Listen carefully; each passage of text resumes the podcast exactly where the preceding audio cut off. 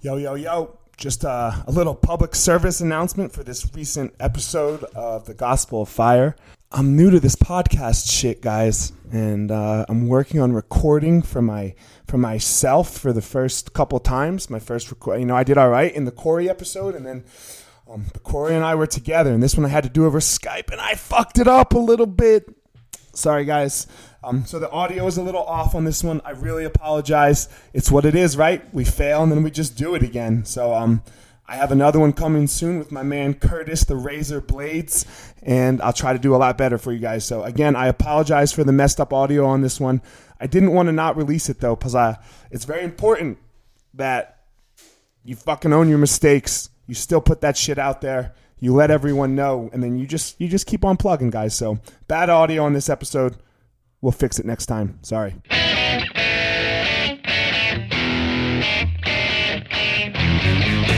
Hey guys, this is Elliot Marshall, former UFC fighter, and this is the Gospel of Fire, where we're going to go through the fire and learn the best way to live our life.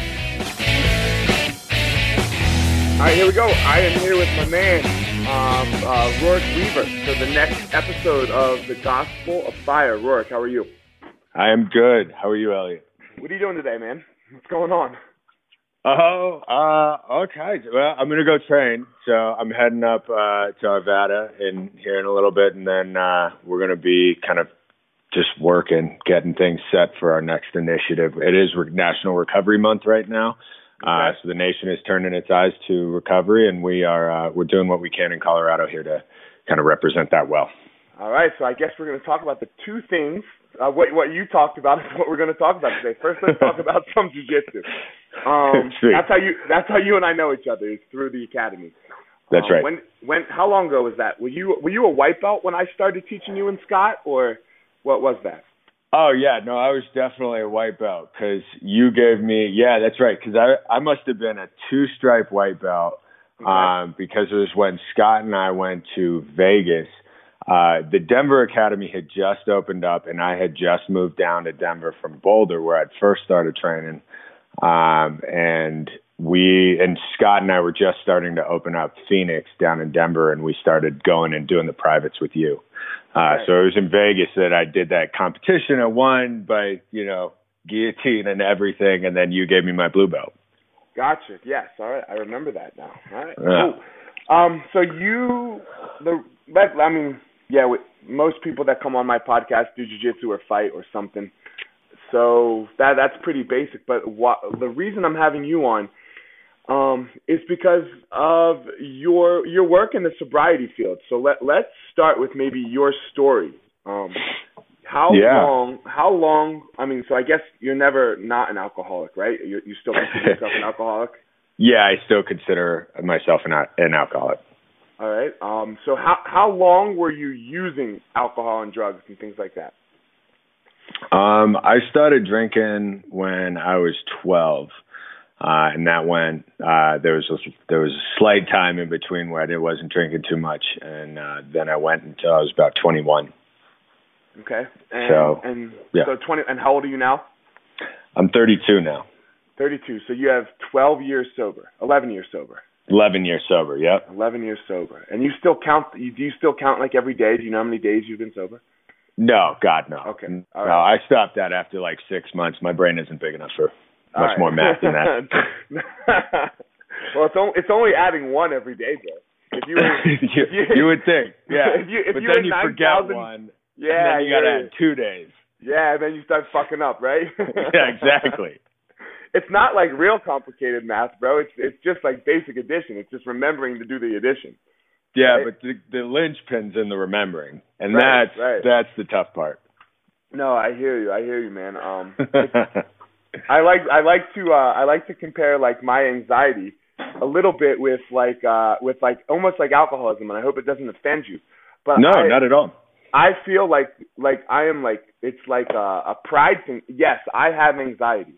So then Mm. I have to I have to take and and it doesn't it's not like oh I'm having anxiety today, Right. right? Like I think that's how you see alcoholism, right? It's not like you're like oh I'm an alcoholic today and I'm not going to be an alcoholic tomorrow, so I can have a drink tomorrow, Right. or I don't have to do the things that I need to do to to keep keep going in this process of dealing with my alcoholism.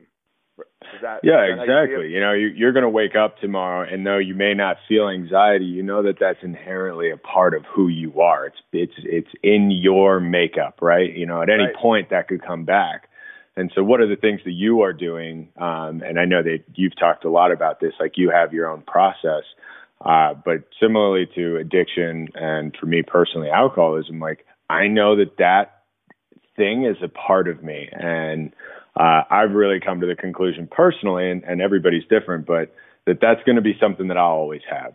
Uh, right. So, what am I doing today to to manage that thing?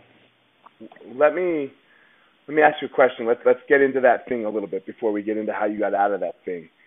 What what do you think drove you there? Why, why do you think there's anything specific in your life that that um, made you want to drink? Yeah, you know, I've, I've spent so much time obsessing over this question because uh, in the recovery field and in my own personal recovery program, um, we have a lot of definitions for this for for the why, right? We always want to know the why, right? Um, you know, it, it, and and there tends to be two camps, right? Um, and probably more like three. The third one being, well, you're weak and you just, you know, you don't know how to pull yourself up by the bootstraps. And but I, the I, other two, I hate that fucking phrase. That yeah. fucking phrase drives me insane. I, it's we can go into a whole a whole thing about this because it's resurging right now, and it's and it's driving me absolutely batty. But Fuck, um, man. Yeah, it's it's wild. Stigma's coming back. It's pretty intense to watch. But you know, the, the kind of getting back to the two pieces. Go one ahead, is that sorry. it's a disease, right? Oh no, you're good. Um, one part is it's a disease, right? We're born with it. It's a it, it's something that we we have, and that our brains or our bodies, uh, like uh, like to a, a cellular level, react differently to alcohol or drugs in general. We just have this predisposition that we will react differently. Similarly, like some people have a predisposition to cancer, uh, we have a predisposition to uh, alcoholism.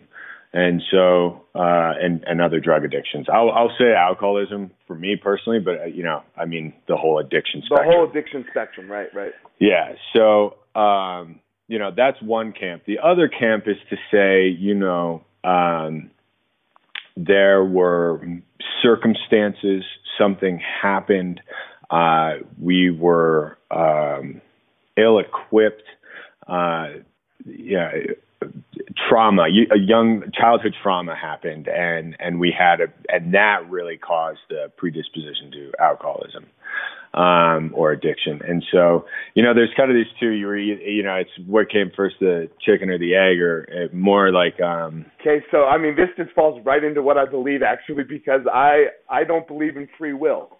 Okay. Um, right. And when you don't believe in free will, like uh, I believe that we are nothing more than uh, our chemical makeup combined with our past experience.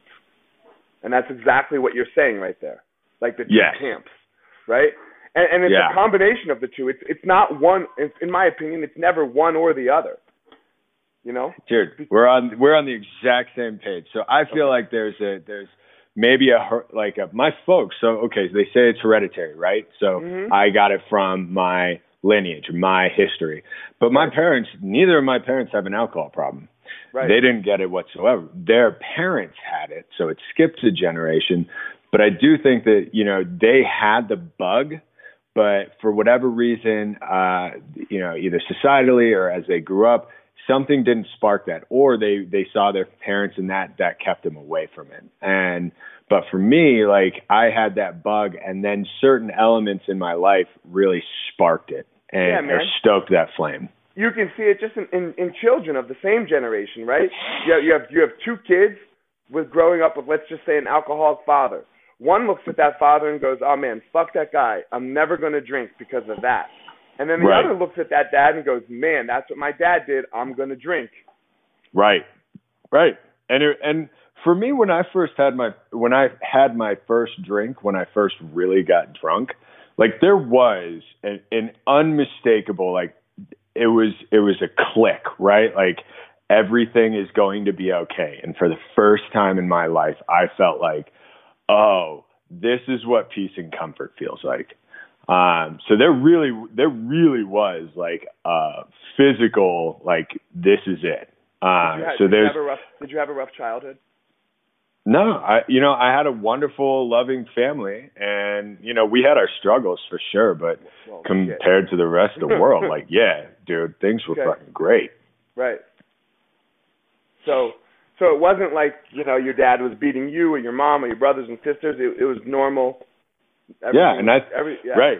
And I think it's really important that we just get like that gets said, right? Like I had a normal childhood. I had a loving family. Um, when we think of addiction and alcoholism, it, you know, once we get past that, like pull yourself up by the bootstraps, the next kind of logical conclusion is like, oh, you were beaten or raped as a kid. Right.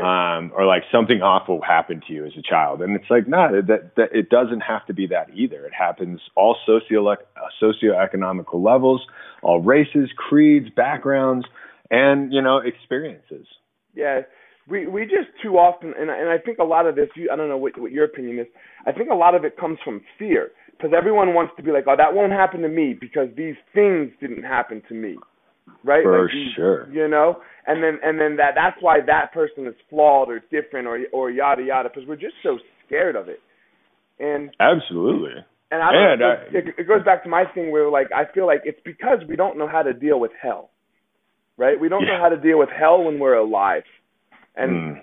and I've talked about this a lot on my podcast. I don't think I have no clue what uh what happens to us after we die, but I know hell comes for us while we're alive.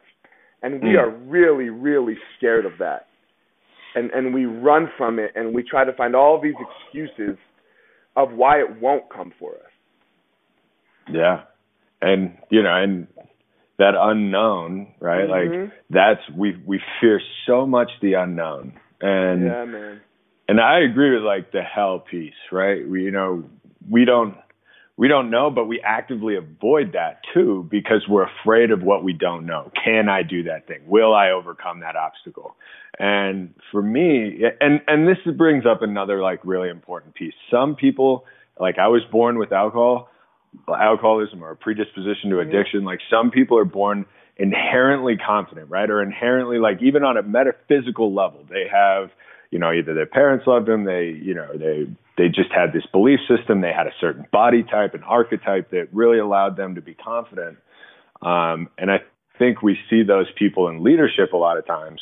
And, you know, but there are a lot of other people who weren't born with that and they, they fear what they don't know. And, and so does, the, you know, those leadership archetypes. Like we, we just inherently fear what we don't know.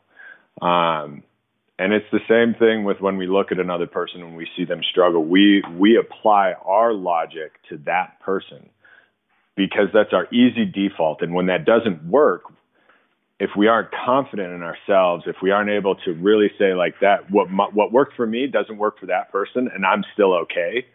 Like that that line of thought. If we had that line of thought through everything, like we would be in a much different world. Yeah. But when we say, you need to do this my way, and when that way doesn't work for that person, then I have to question my own belief system. That's fear of religion. That's fear that I see in recovery. That's fear that we see in politics. Because if it doesn't work my way, then I have to question my my like my quality, my Your- my worth. Your whole life can fall apart.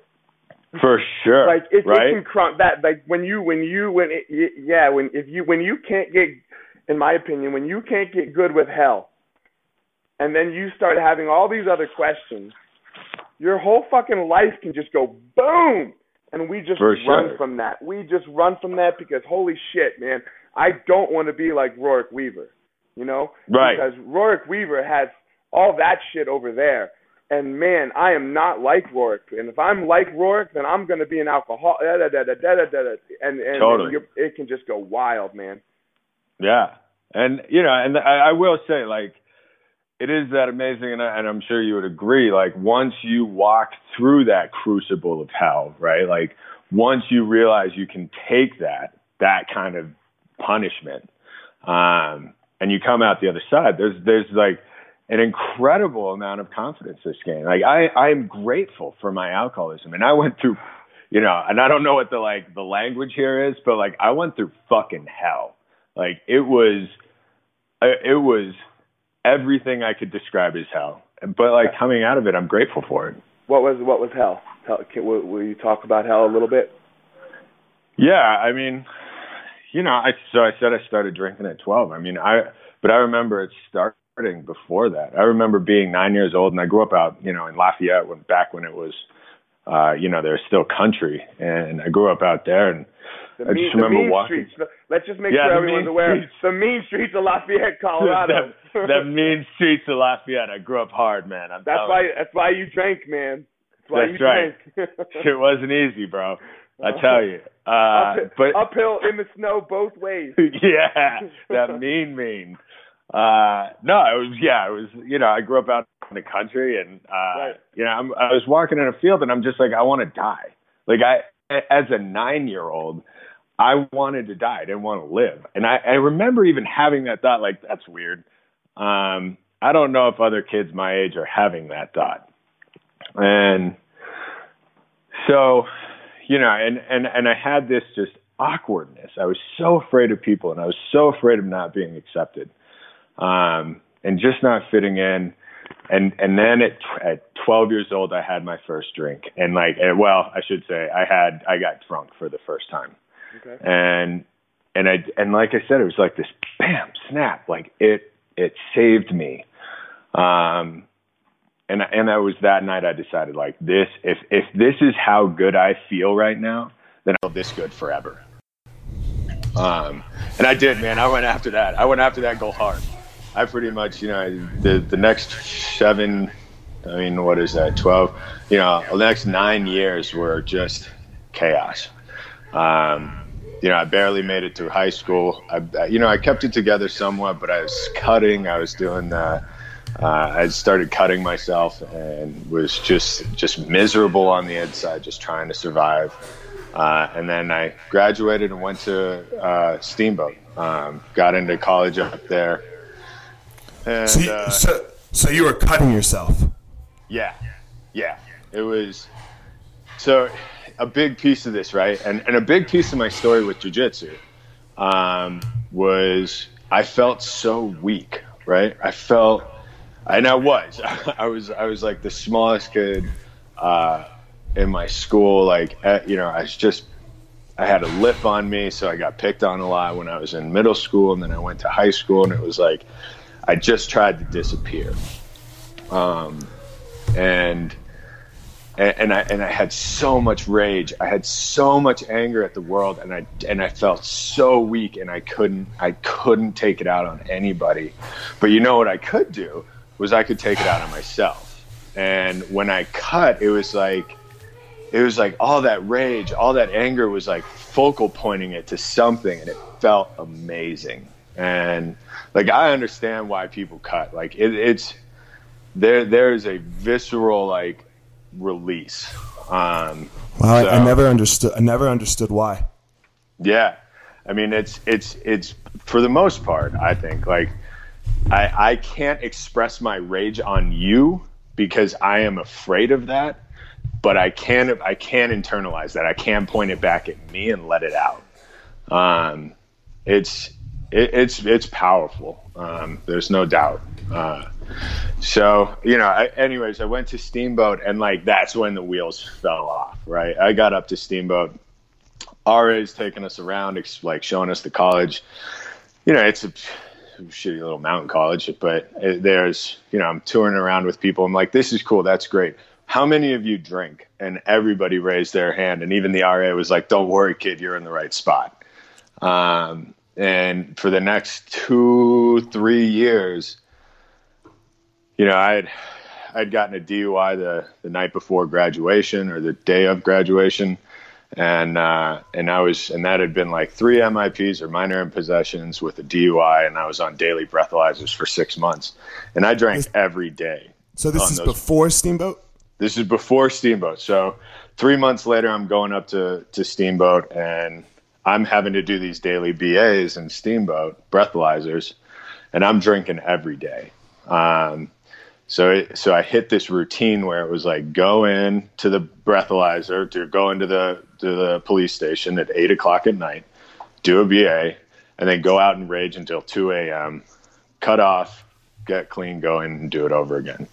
And you know that for a large part that kept me at least moderately sane because when those six months were over, everything, school didn't matter, life didn't matter. I just drank. You're saying um, the the having to go in to take the BA kept you moderately sane. Yeah, exactly. Um, and again, it's like you know, this is like this this just underlying it all is just this hatred of myself. This like you're weak, you're pathetic, you're never going to be anything. Nobody likes you. You're awkward, and and you're just you just aren't good. Like you don't fit in this world. You just you just missed the mark. Um, and I'd wake up every morning and I'd remember what I did the night before, and it would be like doubly powerful, right? So you did this, you made this ass of yourself, you threw up on your buddy, whatever it was, and then I have to take that. And that's the like light stuff. The bad stuff is, you know, much worse. But you know, you woke up and you had to take it all in again. And and the first thing that I would do is just be like, oh my god, just panic and I'd just start drinking again. Um, and that lasted for like two years, the end of which was, you know, the fun part is when the withdrawals start kicking in because after a while, like now you ha- now your body depends on it. It's not even it's not mental anymore. Now it's mental and physical. You wake up at 5 a.m. in the morning in a full blown panic attack, not because of your memories, but because your body's withdrawing from alcohol, and and then you double down on the fact that you you know you need you, you you're feeling all, all those feelings that you already felt and now you're just pounding booze just to like maintain some equilibrium.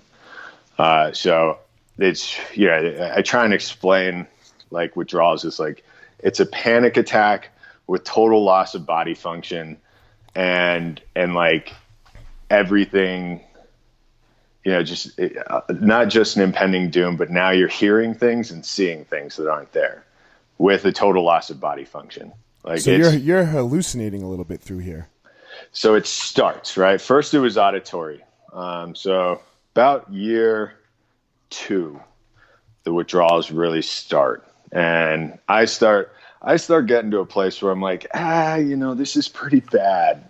I don't think other 20 year olds are going through the same thing I'm going through. But that's a, uh, that's not a that's not a different thought for you, right? Because you've been having that thought your whole life.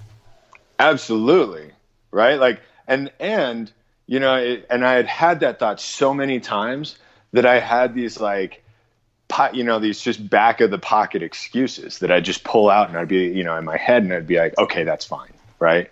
You know, as a kid who never had identity, who who desperately wanted to feel some identity to something, like it became it was sick, but like alcoholism became my identity and I and I embraced it, right? Like I got the, to be somebody. You were the guy at the party that was going to get fucking wrecked. That was going to get fucking housed. Like I was going to tear down walls and just destroy things. Like that was who I got to be that guy.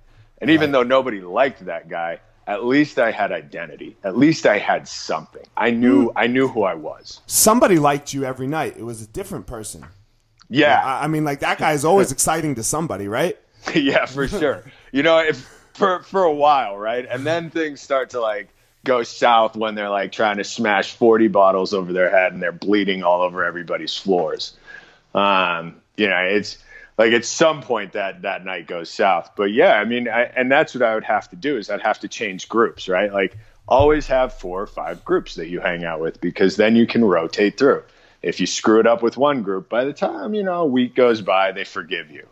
Uh, so I just do this kind of rotation in Steamboat where I'd go to these groups and, you know, make an ass of myself or, or really hurt a relationship or really do something that, you know, was awful. Like I just, you know, go to the next group. Right. Um, but you know, the, the end of which, you know, so I'm doing all this, the end of which I was drinking about every morning I'd wake up, I would slam like some shooters um, and then I would go out and I'd get a 40 rack or a what was it? It was a 12 rack of tall boys. Um, and uh, the like little shooters, and I'd do like five of those, and that was my daily routine. I'd drink about 24 beers, and I'd have like five shooters, and that was like that was what I did every day. I stopped eating. Um, you know, I, I, lost kind of like all function, um, and I just tried to stay alive. And yeah, you know, like that can only last so long, right? because um, the withdrawals started getting worse, and then I, I, lost the function of my hands. So when fun things happen when when withdrawals get really acute or really bad, is your hands start to shrivel up. So if you can kind of think of like a T Rex hand, like that's what happens with the body as it kind of shuts down um, when it's in full withdrawal. And so I wouldn't be able to use my hands.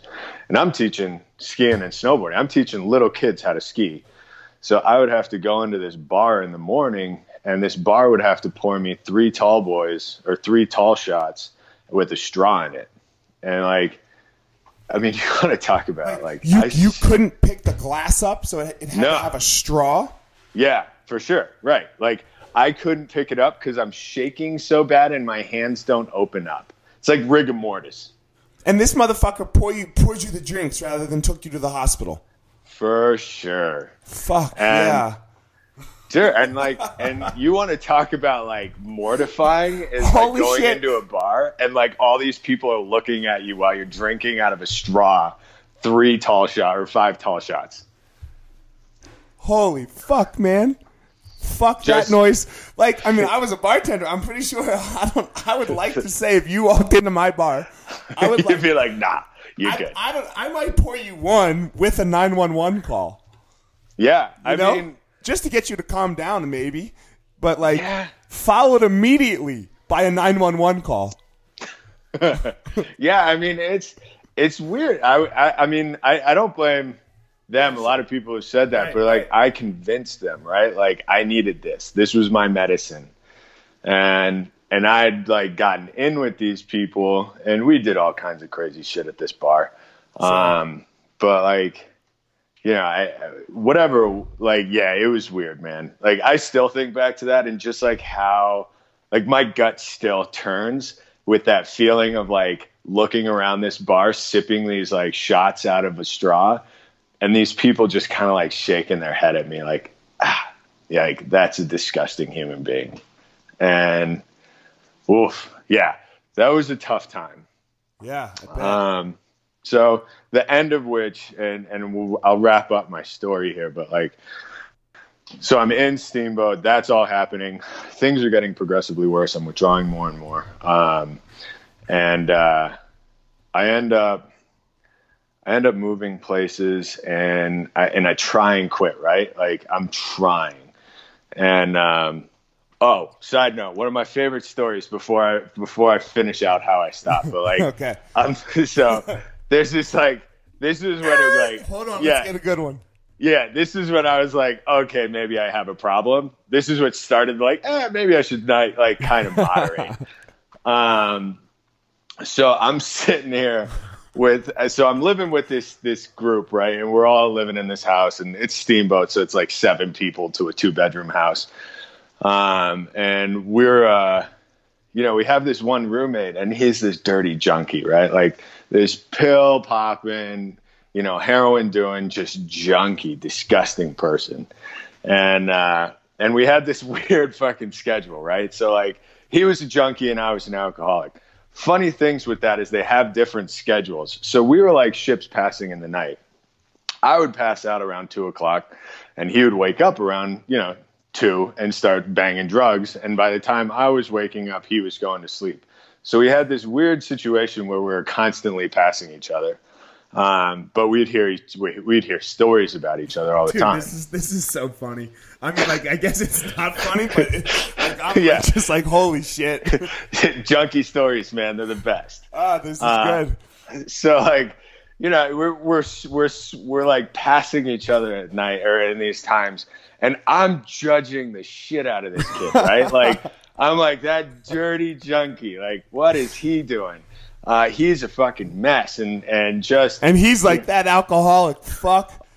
Oh, bro, yeah. So like the best part, this is the best part of this story, is like he comes into my room one day, or like I'm on the couch, and this this fucking junkie comes up to me and he drops the fucking big book of Alcoholics Anonymous on my lap and goes, "Yo, dude, you need this more than I do." Uh, and it was like bang, like, like the, the the insult that I had to take for that, like it was it was earth shattering. So that was the first time I was like, ah, maybe there's a problem here. When the prostitute walks up to you and tells you you're sucking too much cock, right? totally right. Like It's you might be sucking Yeah, too much cock. You might have a problem. Here's your sign. Um. So yeah, no. So it was. I'm trying to quit, but but the withdrawals become so bad um, that now I start to see things. So or I'm starting to hear things, and I'd wake up at night, and it would be like there's this party outside my house, and I mean, I can't like think of being at your house. I'm sure you've had people partying next door. Like it's as vivid as that. And I was, I heard people for weeks, and then I would finally, I was like, "What the hell is this? Why is there a party every single night outside my house?" And I walked outside, and it was like stone quiet. And I was like, "Ooh, that's not good." Um, and those progressively got worse. And as that was going on, I was doing um, foundations. I was working construction and uh, I started. I was working construction. I was humping forms down in these uh, these big sites, and I had a withdrawal seizure on the site. Now, there's some really bad places to have a seizure, and on a like construction site with rebar sticking out everywhere, like on platforms, like that's a really bad place to have a withdrawal seizure.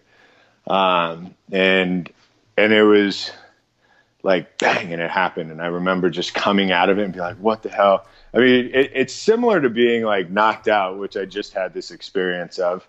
Um, like this you're kind of awake and you're present but your brain's not firing on all cylinders so you're not making sense of things right. and and i and i just remember being there being there and then coming to and going oh god what happened um, and then that happened again on the withdrawals or on the on the work site and uh, and obviously, you know, they had to fire me. Um, but I, but like my body's starting to deteriorate, and the end of all this was I'm sitting, or the end of Steamboat was I'm sitting on the couch trying one last time not to drink, and I go into full blown like auditory visual hallucinations.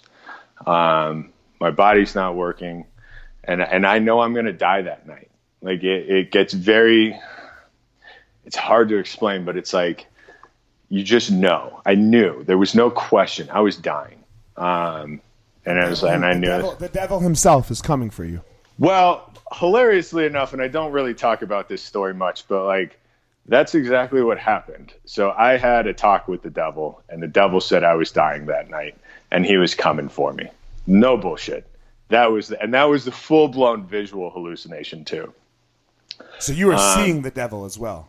Yeah, it was it was kind of weird. It was more like a black kind of uh, rent or cut in kind of behind me. It was this weird third body experience where I was outside of my body and I saw this blackness behind me with this voice, and it was like you you know you're dying tonight. I finally get you. Um, I've been waiting a long time. And so, being a good Catholic boy, my friend finds me like fucking wigging out on the couch. Um, and instead of like, hey, I need to go to the hospital, uh, you know, things aren't really great, I go, I need to go see a priest and get last rites. I'm going to die. Um, and she, luckily, uh, being a great friend, doesn't do that. She takes me to the hospital. Um, and they, so they hook me up and they try and knock me out. And, and I, and it like, my, my withdrawal, my heart's so jacked that it doesn't even phase me. And they hit me again, try and knock me out. With, yeah, with drugs. They're trying to put sedate me um, so that they can transport me to a safe place. And uh, and the nurse is looking at me like, dude, I just hit you twice. You should be like out out. You should almost be dead. Yeah. and it's like, and I'm having a fully lucid conversation with her. Like, yeah, I don't know what's going on. I'm, you know, I'm, I'm wide awake. You want me to drive? And yeah, right. It's like, I actually am like leveled out now. Um, and so, and then I see, and I'm seeing in the mirror, seeing in the reflection. So they had the crash cart with like six people that were, that were outside and trying to hide from me and they were going to strap me down. Um, because they knew kind of the acu- acuity of the withdrawals. And so the nurse is like, and I'm like laughing with her. I'm like, I see your guys outside the door. Like, I know what they're trying to do. Like, hey guys, I see you. And she's like, I don't know how to hit this, like, knock this kid out. Um, so she hits me one more time, and I go out. They strap me down. And as they're transporting me, I come fully out of it again. And, uh, I have a full blown. I'm in full blown hallucination with de- or with withdrawals, and I'm thinking they're taking me to a basement dungeon to rape me, and I flip out. Um, and so, you know, they hit me again. I knock out. I wake up in the hospital, and it's the police, my parents, and uh, the doctors. And the doctor kind of Why the police? What's the police about? so they had gotten so I over my time that I'd been at, at Steamboat, I had had a few run-ins, um, and with the BAs, like they knew who I was, uh, and I think more than anything, I think the the doctors had called and said like, "Hey, look, we need to. This is it's going to be a different type of intervention than we see on TV, but this is going to be a type of intervention." Because I wake up and they're like, "Hey, kid, you know, Steamboat's not for you. You need to go home." Um and you know the doctor had pulled me aside and he was like hey look we've run we've run the test you have about a year to live if you continue to go the direction you're going your body's shutting down um, and i was like okay cool and i left um, i left there and uh, yeah I, god there's so many stories but you know my mom had to go to my house and pick up everything. And she cleaned up the place. And i mean you want to talk about filthy like crack den gross like i was living on a broken futon. It was tilted to the side. I had one blanket and and just beer bottles and vomit everywhere and the dogs used that room as their like bathroom. And that was what i went home to every night. And that's where i lived. And she had to go in and clean that up. I mean the just the the horror of having to put her through that. Um so i went back down to uh I moved out of Steamboat. Um, side note, I was uh, I thought I was only there for like one night. I ended up going back up to town like two years later after I was sober to make amends to the girl who saved my life. And uh, you know, I was starting to do that. And she's like, "Hey, hey, let me stop you right there. How long did you think you were at the hospital?" I was like, "I don't, I don't know, a night." Um, and she's like, "You were there four days." And I came and saw you, and we talked, and you'd pissed your pants while we were talking. Um, you know, you you don't remember any of that, but you were there four days in the ICU. You were dying, and it was kind of this like, oh man, all this stuff I've put these people through. Um, so I moved back to Denver. I moved back to Boulder, and I'm um, living with my folks. And so how? So how? Let, let's. How'd you get out of hell, man? What did you do? Yeah, yeah, yeah. So, long story short, um, I relapsed a few more times, and I, I, you know, I'm trying to get sober. I'm trying to get sober, and and it's always this like, it's your problem. You did this to me. It's your fault. It's it's the society's fault. It's the fact that I, I, you know, I'm the victim here. I'm not the one who who did this. Like I'm just trying to survive, and this is how I do it. Um, and so I, I relapse again and again, and, and finally it comes you know, it's St. Patrick's Day, and I've and I've made it 28 days. It's the longest I ever did, and 28 days, and I and St. Patrick's Day comes, and I'm like, you know what? Fuck that. I know what my people do on this day, and and that's what I'm gonna do. Because you're a good uh, Irish Catholic, right? Because I'm a good Irish boy. Yeah, I'm a good Irish Catholic boy. Uh, so I go out and I drink, and the funny thing was, is like every every alcohol group if anybody who listens to this ever has a dui let me give you a quick like explanation of what you're going to hear uh, so we're going to draw a graph and we're going to say 1 2 10 and we're going to go one to 10 up, just typical graph. And what we're going to say is past three drinks, you know, one on the left hand column going vertically is going to be negative consequences. And on the right or on the bottom is going to be horizontal, is going to be uh, amount of drinks. And as I have more drinks, more negative consequences come up. And they're going to draw a line through three drinks. Three drinks is the maximum amount that I can have safely without having uh, abnormally large amounts of negative consequences. And so I went out that night and I had three beers and I was like, what? Like, no one thought I could do it. Had three beers on St. Patrick's Day. I'm obviously not an alcoholic. Well, the next three weeks, it gets worse and worse, more and more, to the point where it's like full blown again. Um, and it was kind of so. My mom finds me for the last time passed out in the bathroom, which I did this weird thing where I'd go in the bathroom and I'd lock the door and I'd pass out. And that was kind of the sign to them that like I was drunk. And she looks at me and like I, I will there are very few things that I remember from like the, the haze of my drinking, but I will never forget the look on that woman's face when she had to kick her baby boy out of the house and say, I can't watch you die anymore. Um, this I, I, can't do this to myself. You need to leave.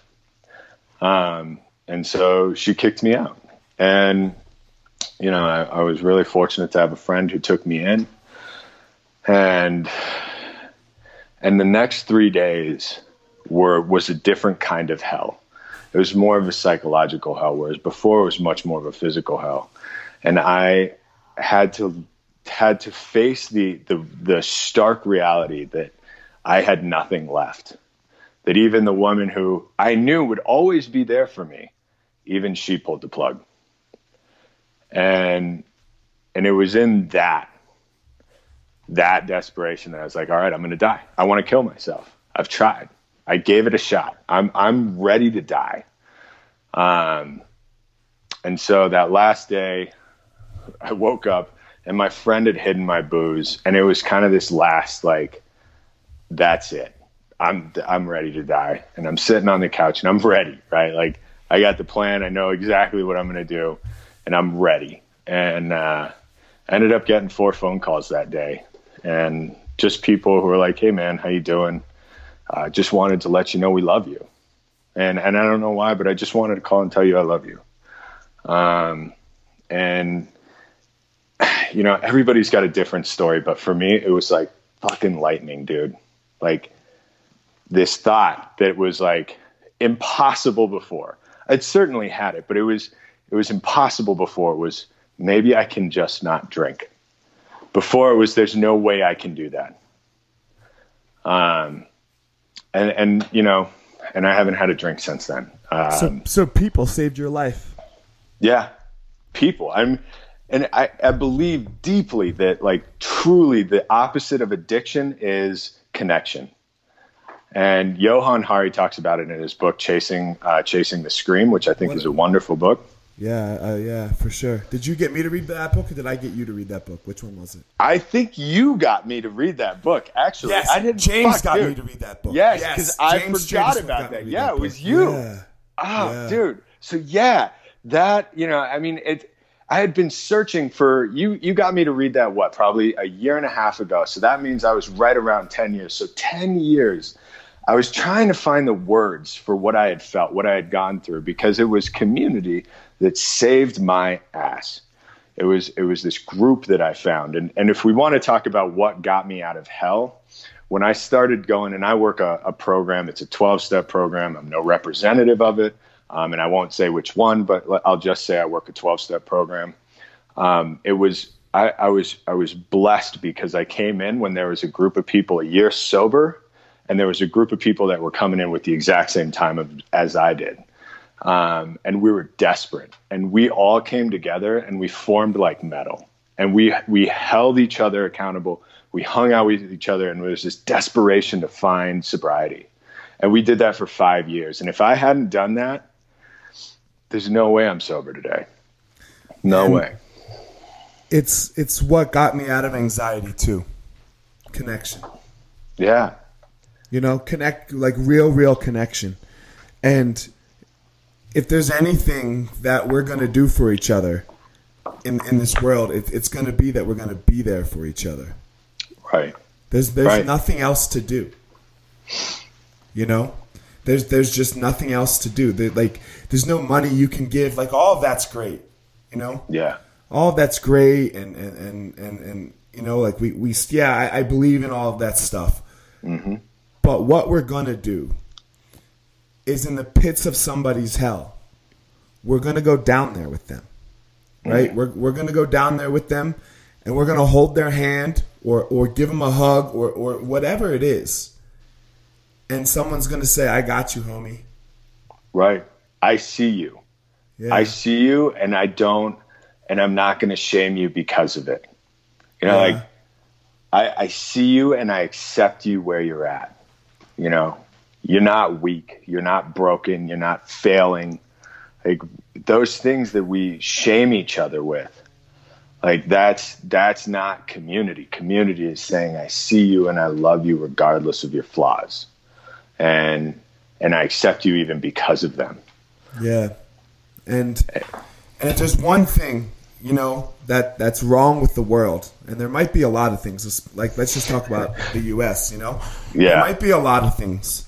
You know, but the re- the reason that we have such shitty people leading us is because, and not just Donald Trump. You know, I'm, I'm not bashing. Totally. here, There's you a lot. there's a lot, you know. It's because we're screaming the exact opposite. You know, Yeah. we're screaming to everyone the exact opposite of connection. We're screaming to for them to to do it by themselves. Right. You know? And and look, I believe that. I believe each and every human can do it. You mm-hmm. know? But I, I believe that you need a team of people that are gonna hold your hand through that do it. Yeah. We all have to walk our path, right? Like we will have, and that that path will involve obstacles and challenges and risks. But without people walking that path with us in different parts of their journey, without learning from those folks or, or accepting their help, you can do it, but it's just a whole lot more meaningful when you're with that community. And I, I couldn't agree more with you. I think that I think fear is driving everything right now, and, and it's creating this divisiveness of I cannot see myself in you anymore. And connection, I mean, truly, connection is being able to see at least some piece of you in another person and being able to empathize, understand, um, try just attempting to to feel what that person's feeling. And we are we are driving a stake and a wedge through that so deep that it's it's kind of hard to see how we get out of it. But um, you know i know there's a way. Well, we're gonna have to find hell. yeah. Yeah. know? yeah. I mean that's the truth. Yeah that's a great point We're gonna you know, we're gonna have to find hell. So that that's all that it it's gonna come down to. You know? yeah i mean it's burning the forest to let Yeah. like new trees come up right Yeah. So Ugh. You know, man. Uh, and and now, like, let's just we'll, we'll we'll cut to it a little bit here. You know, I know you don't work with Phoenix anymore, but that was a big part of what you did, and I think. And, and I, I I think this what what Phoenix does that's wet that's really good is is they get people doing hard stuff, right? Yeah. They get people lifting weights and boxing and rock climbing and going on these hard bike rides and and when you do hard stuff, and this is this is my thing, you know, and this is a lot of people's things right now. When you- when you do hard stuff, it prepares you for hell. Like you're you're preparing yourself to go through. It's why I love jujitsu, you know, Yeah. because there's there's no out from the bottom of the mount, right? Like of you're exhausted and you're Yeah. you're stuck, and someone's trying to take your life, you know, like Yeah, it- yeah. it's it, it man look if that guy chokes you or doesn't choke you it doesn't fucking matter in the real th- scheme of things but where it matters is you can survive you learn to survive and that's what we have to learn how to do. Like that's the individual piece. Mm. Right? Like that's the individual piece in, in my opinion. Is you've got to be like, okay, here I am, I can do this. I, I don't know if I'm gonna win. I'm gonna survive. And you know, right. and, and that's that's what hard shit does, man. That that's what working out hard does. That's what that's what jujitsu does. That's what doing any any struggle, any big physical struggle, struggle, and I believe it has to be physical, you know, mm. because the yep. physical puts us right in it, you know, because when you when you're there, it feels like death, right? You've been on the mat, and and you're so tired, and and and the instructor's like, go again, yeah, yeah, go again, and you're like, yeah. I can't, and then like you do, you know, and you right. do go again, and fuck, man, that's a very powerful thing. Whether you win or lose doesn't fucking matter. That's just a very powerful thing. Absolutely, and and I I think everything, and just the the ability to lose with grace, right, mm. and and not lose your mental focus. Mm. Like that was one of the great things that jujitsu gave me was this. Like I was so afraid of losing, but the fact is, is I lose all the time. I fail at a million things every day. You know, like the, whatever it is, but it's the ability to walk through that and maintain the mental toughness and the mental strength that like you just you lose and you're right back at it. You lose, you're right back at it, and like that skill, like it, it has been one of the you know I think does just like you said prepares you for that hell. Like mm-hmm. you are going to lose in this world. You are going to lose a lot, but being able to lose and bounce right back up and and not have it phase you lose with grace. Yeah. Let's let's end uh, it right there. Let's lose with grace, everybody. You yeah. know, because when you lose when you lose with grace, you can just do it again. Right. You know. So, Rourke, man, I really appreciate you coming on, sharing your story. Um, I think a lot of people are going. I mean, we've all we you know, it's not everyone's going to appreciate the the depth in which you went there, right? And I know that can be very difficult sometimes. That's not you know. Yeah. Um, that's not always fun, man. So um, that ain't that ain't easy. You you know you lost with grace, right? Yeah.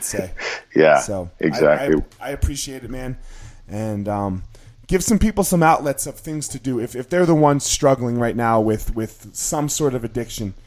What where do they where do they go? What do they do? How do how, how what's what's the first like little baby step? You know, I think the first baby step is just you know, it seems silly and we all hear it, but it's it's reach out. You know, like tell somebody, you know, whoever it is that you're struggling. Um, you know, and, and, and it's, it's so simple, but it's, it's a step, right? It's, a, it's admitting because the next piece is going to, you're going to have to reach out. Um, if somebody is struggling, if you have a family member, if you have a loved one, um, there's a lot of options. Uh, you can, you know, the internet's a great tool for this. You can go online and there's the SAMHSA. Um, and you type in any treatment or treatment support in the top line, it's going to be a SAMHSA. It's going to be a, a directory of support services. Um, so you can, I think that that's a good start. Um, you know, anybody local or, you know, I'm sure my name will be on there. Like reach out to somebody who you know in recovery. Um, a lot of us know those folks and they're going to be able to kind of talk to you and walk you through that. There's a, uh, you know, I, I would say those two things, look online, you know, get them some support. Uh, the most important thing is for me is finding somebody who's gone through the same path as I have. Right. Um, so if I can talk to somebody who's also gone through that hell, like you said, then there's a really good chance that that person's going to join. so, all right, man. Well, I appreciate your time. I appreciate your honesty and openness, and um, yeah, just be there for people, guys. Just, just you know, even even if they've burnt you, right? Even if they've burnt you and, and they've puked on you in the literal and the not literal sense, you know, just uh, just still try to be there when that if that person comes a knocking. So mm. thanks, Rick. I really appreciate right. coming on, man. Elliot, you've been a mentor to me for a long time, and I really appreciate the, the opportunity here. Thanks so much. Hey guys, thanks for listening to this episode of the Gospel of Fire. Hit me up on my social media at Fire Marshal 205 on both Twitter and Instagram. Give me a follow at my fan page on Facebook, Elliot the Fire Marshal. Give a subscribe on iTunes, on Stitcher, wherever you're listening. Throw a review up there. We'd greatly appreciate it. We'll see you on the next episode.